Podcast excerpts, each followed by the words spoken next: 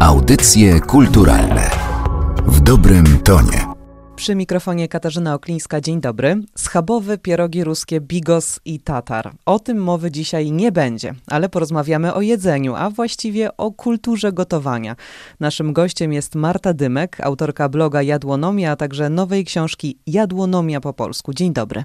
Dzień dobry. Każdy, kto choć trochę gotuje i korzysta przy tym z internetu, pewnie trafił na pani bloga. Jest bardzo popularny, a wyróżnia się tym, że nie znajdziemy w nim ani jednego przepisu, w którym wykorzystywałaby pani produkty pochodzenia zwierzęcego. To kuchnia roślinna, czyli wegańska, przebogata w wartości odżywcze, witaminy, no i przede wszystkim smaki z różnych zakątków świata. Jednak w nowej książce, która właśnie ukazuje się na rynku, postanowiła pani zmierzyć się z tradycyjnymi polskimi potrawami. Czy chce pani udowodnić, że po polsku nie znaczy z mięsem i śmietaną, że może być lżej, zdrowiej, nowocześniej albo po prostu inaczej? Staram się słuchać tego, co jak słyszę, od kilku lat powtarzają Polacy i Polki, ponieważ w kolejnych badaniach, które się pojawiają, widać tendencję do tego, że coraz mniej chcemy jeść mięsa, a coraz więcej warzyw, kasz, drączków i innych produktów roślinnych. To jest też zresztą zgodne z zaleceniami dietetyków i lekarzy, którzy od lat powtarzają, że mięso powinno być jedynie dodatkiem do naszej diety, a jej bazą powinny być właśnie rośliny. Dlatego słuchając tych badań, słuchając tego, czego chcą Polacy i Polki, postanowiłam wyjść naprzeciw naszym marzeniom i przygotować książkę, która pokaże, jak gotować tanio, jak gotować łatwo, szybko nie tracić tradycyjnych smaków, no ale właśnie opierać się na roślinach, kaszach i strączkach. No ale polska kultura gotowania opiera się na mięsie. Gdy zapytamy Polaków o tradycyjne dania, odpowiedzą zapewne, że to pierogi ruskie, bigos, kotlet schabowy i barszcz ukraiński. Od lat mierzy się pani z pytaniami, czym zastąpić te dania w kuchni roślinnej. Ta książka daje bardzo jasne odpowiedzi, ale nie da się ukryć, że postawiła sobie pani poprzeczkę bardzo wysoko. To odpowiedź na zapotrzebowania czytelników, czy sama chciała pani też sobie po trosze udowodnić, że można połączyć polskość i nowoczesność, w odniesieniu do kuchni oczywiście. Myślę, że, że wymieniając kotleta schabowego czy, czy pierogi jako dania tradycyjne, w pewnym sensie mamy rację, ale bardzo bliskie jest mi myślenie o, o kulturze kulinarnej jako o pewnej przestrzeni w kuchni, która wyraża nasze wartości, bo tak też w ogóle staram się kulturę rozumieć, jako życie podług określonych wartości. A wydaje mi się, że te wartości, jakie teraz są dla nas istotne w związku z kuchnią, to to, żeby gotować zdrowo, żeby gotować prosto, żeby te przepisy były dostępne, ale też żeby poprzez nasze indywidualne wybory, których dokonujemy wkładając różne produkty do koszyka czy gotując, żebyśmy mogli wpływać korzystnie na rzeczywistość i dobrze kształtować świat. Jestem przekonana, że kuchnia bardziej roślinna jest właśnie sposobem, żeby te wszystkie ważne dla nas wartości zaadresować i pomieścić. Dlatego w tej książce staram się pokazać kuchnię jako coś, co mogłoby być definiowane tak samo jak przez przeszłość, przez nasze praktyki codzienności, ale też przez przyszłość i przez te wyzwania, które ona niesie. E, mówimy o Polsce w ogóle, a przecież nasz kraj to całe mnóstwo regionów, a tym samym potraw, które są absolutnie niepowtarzalne i niespotykane w innych miejscach. Można by tu wymienić choćby pyzy, podlasiaki czy parowańce, to te, z którymi ja osobiście spotkałam się w swoim życiu. Pani zapewne zna ich więcej i może się z nami nimi teraz podzielić. To prawda, że przygotowując tę książkę nie sposób było nie, nie przyglądać się różnym tradycjom regionalnym, ponieważ żyły one w Polsce bardzo bogate. Obecnie trochę się zacierają, ponieważ wydaje mi się, że w ostatnim czasie tradycje, pewne różnice regionalne odczuwamy przede wszystkim w trakcie Bożego Narodzenia i Wigilii, natomiast na co dzień jadamy już podobnie, no bo też podobne jest zaopatrzenie w sklepach a kiedyś różnice regionalne wynikały właśnie z dostępności do różnych produktów. Natomiast chciałam oddać tę różnorodność w tej książce, bo chciałam, żeby ona była kolażem wielu różnych tradycji, wielu różnych momentów historycznych, ale też zwyczajów pochodzących z różnych klas społecznych i różnych, no można powiedzieć, takich też momentów historycznych. I dlatego są tutaj potrawy takie no, demokratyczne, jak na przykład mielone soczewicowe, które oczywiście nawiązują do ogólnopolskiego kotleta mielonego, ale są też takie potrawy, które wydają mi się genialne, a trochę za mało znane, jak na przykład pierogi z suszoną śliwką, które są bardzo proste, no bo nie trzeba nadziewać ich farszem przy pomocy łyżeczki, który to może wypłynąć, tylko w cieniutkie ciasto zawija się całą ususzoną śliwkę, a są to pierogi zaczerpnięte z tradycji kuchni łemkowskiej. I właśnie takie połączenia, sięganie do dawnych przepisów, regionalnych sekretów, ale które też są bardzo użyteczne dzisiaj, no bo nie wszyscy mamy teraz wprawę w robieniu pierogów, nie wszyscy robimy je, często niektórzy wcale ich nie robią. Wydaje mi się bardzo użyteczne, kiedy można odkryć, że, że dawny przepis jest bardzo prosty. I tak jak zapominamy o regionalizmach, tak też zapominamy o porach roku i jedzeniu sezonowym.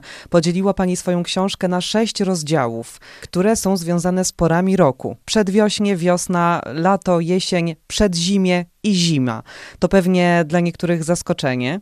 A robi to Pani, żeby zwrócić uwagę na sezonowość warzyw i tego, po co możemy sięgać, aby jeść zdrowo i być też w porządku wobec środowiska, bo robienie szakszuki w grudniu, no chyba mija się z celem. To też ukłon w stronę tradycji i obyczaju, ta sezonowość. Zdecydowanie tak, zdecydowałam się właśnie na podział na te sześć pór roku, ponieważ chciałam, żeby książka była jak najbardziej polska, nie tylko w przepisach, które tam się znajdują, nie tylko w składnikach, przyprawach, smakach i aromatach, ale też w pewnym no właśnie praktycznym wymiarze naszego gotowania. A wydaje mi się, że to, co konstytuuje jakąś taką polskość naszego doświadczenia kuchennego, to jest też pewien moment w roku, dość długi w Polsce, czyli moment, kiedy wiele rzeczy już się skończyło w naszej spiżarni, to jest przed zimie, kiedy kończy się jesienna obfitość i zaczynamy wchodzić w ten trudny okres braku, ale to jest też przedwiośnie, czyli ten czas, kiedy czekamy naprawdę już e, z utęsknieniem na pierwsze nowaliki. Takich potraw bardzo związanych z jakimś momentem w roku jest w naszym polskim gotowaniu sporo. W tej książce sądzę, że każde takie danie jest związane z tym, jaki jest to czas w roku, bo zależą te potrawy od tego, co możemy kupić w warzywniakach. Dobrym przykładem chyba mogą być szparagi z truskawkami, które to są przepisem wynikającym z ogromnej sympatii do szparagów Jarosława Iwaszkiewicza, który z tego co wiemy lubił łączyć się z pomidorami i narzekał na to, że jest to bardzo taka duża perwersja kulinarna, ponieważ pomidory zaczynają się tuż po tym, kiedy te szparagi się kończą pomyślałam, że można byłoby wyjść naprzeciw dawnej fantazji Waszkiewicza i połączyć truskawki, które są równie słodkie i soczyste ze szparagami, a są dostępne w tym samym momencie. Takimi potrawami, które są wyjątkowe i niezbędnie związane z jakimś momentem jest też chłodnik, no, którego nie sposób jest zrobić e, zimą, ale też prawdopodobnie zimą nie chcielibyśmy by go jeść. Jest też sporo przepisów na barszcze, ponieważ barszcz jest w ogóle, wydaje mi się, jedną z ważniejszych zup tradycji kuchni polskiej i jedną z bardziej lubianych przez nas. Ja przynajmniej barszcze uwielbiam, dlatego w tej książce są aż cztery różne barszcze, no i każdy właśnie jest dostosowany do innej pory roku. Jest barszcz na lato, czyli z bobem, ale jest też barszcz zimowy, czyli z kiszoną kapustą. A czy wymyślając te przepisy, przystosowując je, może tak ładniej powinnam była powiedzieć, przystosowując je do tego świata roślin, przeglądała Pani literaturę sprzed lat, na przykład Lucyny Ćwierczakiewiczowej, która była pionierką w tej dziedzinie, albo może Stanisława Czernieckiego, który jest autorem pierwszej książki kucharskiej w Polsce. Dodam, że to rok, uwaga, 1682. Tak, to prawda. Wybrała Pani dwie szczególnie ważne pozycje. Oczywiście ta książka nie powstałaby, gdyby nie to, co było wcześniej, bo to właśnie czerpanie z dawnych książek kucharskich, ale nie tylko książek, też czasopism albo badań etnograficznych, Kolberga, ale, ale nie tylko. Bardzo pomogło mi w tej pracy, bo tworząc tę książkę chciałam zastanowić się nad tym, jak kiedyś jedliśmy, jakie przepisy były dla nas ważne, co w ogóle jedzenie dla nas oznaczało i jakie chcieliśmy, żeby było nie tylko po to, żeby te przepisy wskrzeszać, bo tak jak zaczęłam, wydaje mi się, że kuchnia powinna być taka adekwatna do naszej codzienności. Natomiast w świadectwach o jedzeniu z przeszłości starałam się znaleźć odpowiedź na to, no właśnie, jak ta rzeczywistość społeczna, jak nasze wartości odbijają się w tym, co gotujemy. Więc gdyby nie zbiory Biblioteki Narodowej, zwłaszcza prześwietnego serwisu Polona, to tej książki z całą pewnością by nie było. Co w takim razie jest dla nas ważne w tej kulturze gotowania, dla nas Polaków? Znalazła Pani odpowiedź na to pytanie? Myślę, że na szczęście nie znalazłam. To znaczy, mam dużo różnych intuicji i pomysłów, ale, ale nie ośmieliłabym się wymienić e, z całą pewnością jakiejś jednej najważniejszej rzeczy. I myślę, że to dobrze, bo to sprawia, że cały czas ja będę mogła szukać i się nad tym zastanawiać. Możemy się chyba zgodzić co do jednego, że kuchnia zmienia się z każdym pokoleniem. Tradycyjne potrawy, które odzwierciedlają styl życia w jakimś konkretnym czasie, dają początek czegoś nowego, zmiany, którą w tym przypadku pani zapoczątkowuje. Jakby kuchnia razem z naszym stylem życia ewoluowała, przeobrażała się tak samo jak zmienia się sztuka filmowa czy teatr.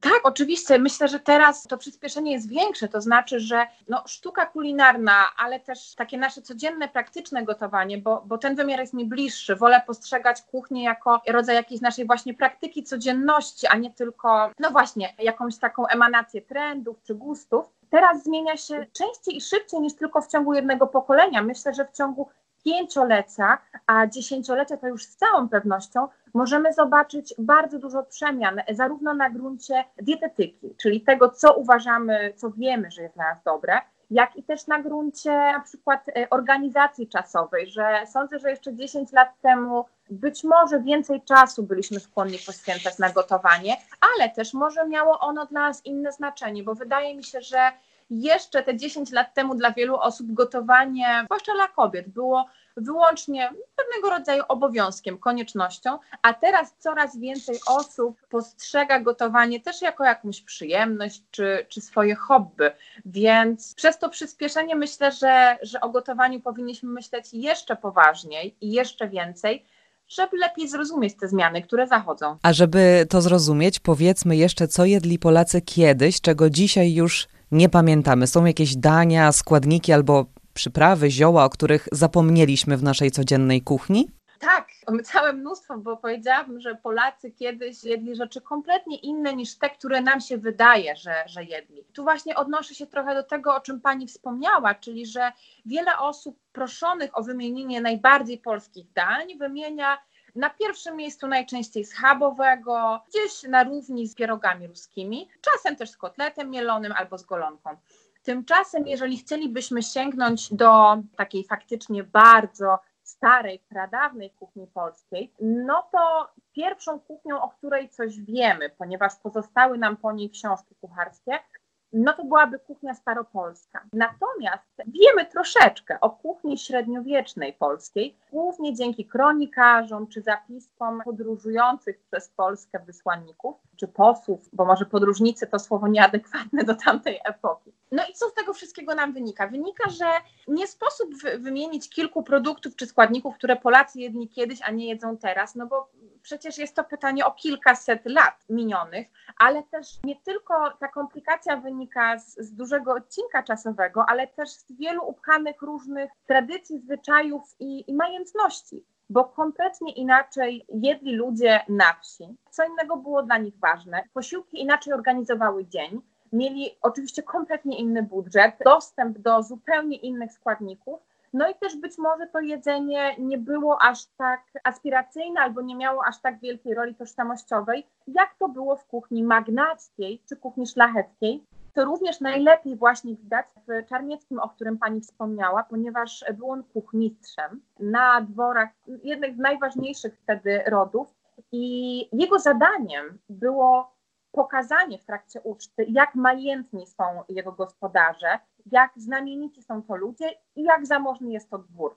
A czy odnalazła Pani jeszcze jakieś inne wątki kulturalne, stricte kulturalne w gotowaniu, poza wspomnianym już Jarosławem Iwaszkiewiczem?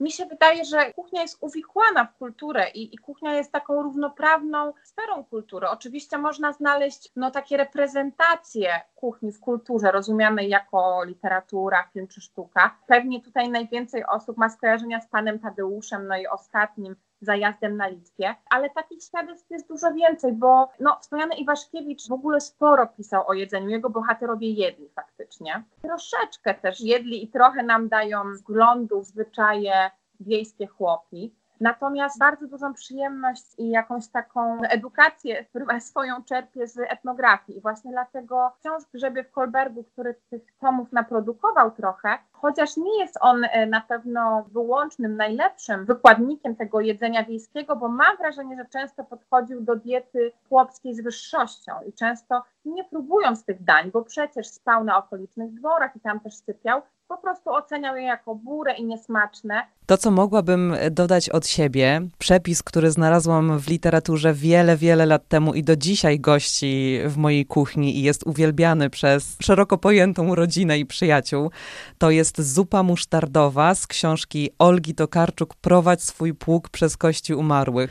Zupę, uwaga, smaży się na patelni, jest to majstersztyk i jestem przeszczęśliwa, że Olga Tokarczuk zawarła przepis w tej książce kompletnie nie zwróciłam uwagi na ten przepis, a myślałam o sobie, że jestem czujna na punkcie jedzenia, więc tym bardziej muszę wrócić z tej lektury. To ciekawe, bo faktycznie chętnie zobaczę ten przepis, bo wydaje się on też być bardzo adekwatny do regionu, w którym się dzieje akcja książki, bo faktycznie różnego rodzaju zupy musztardowe, zupy piwno-musztardowe, sosy i leguminy musztardowe były charakterystyczne dla kuchni tego regionu, czyli Czech, Niemiec i tej całej mieszanki. No więc już zerkam na półkę gdzie, gdzie książka leży, żeby móc to zobaczyć. W takim razie bardzo dziękuję za tę wymianę myśli. Myślę, że wielu naszych słuchaczy będzie chciało sprawdzić, co takiego w gotowaniu z kultury jest, a posłuży temu książka zatytułowana Jadłonomia po polsku. Moim i Państwa gościem była dzisiaj Marta Dymek, autorka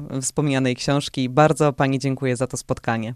Ja również bardzo dziękuję i życzę smacznego. Katarzyna Oklińska, do usłyszenia.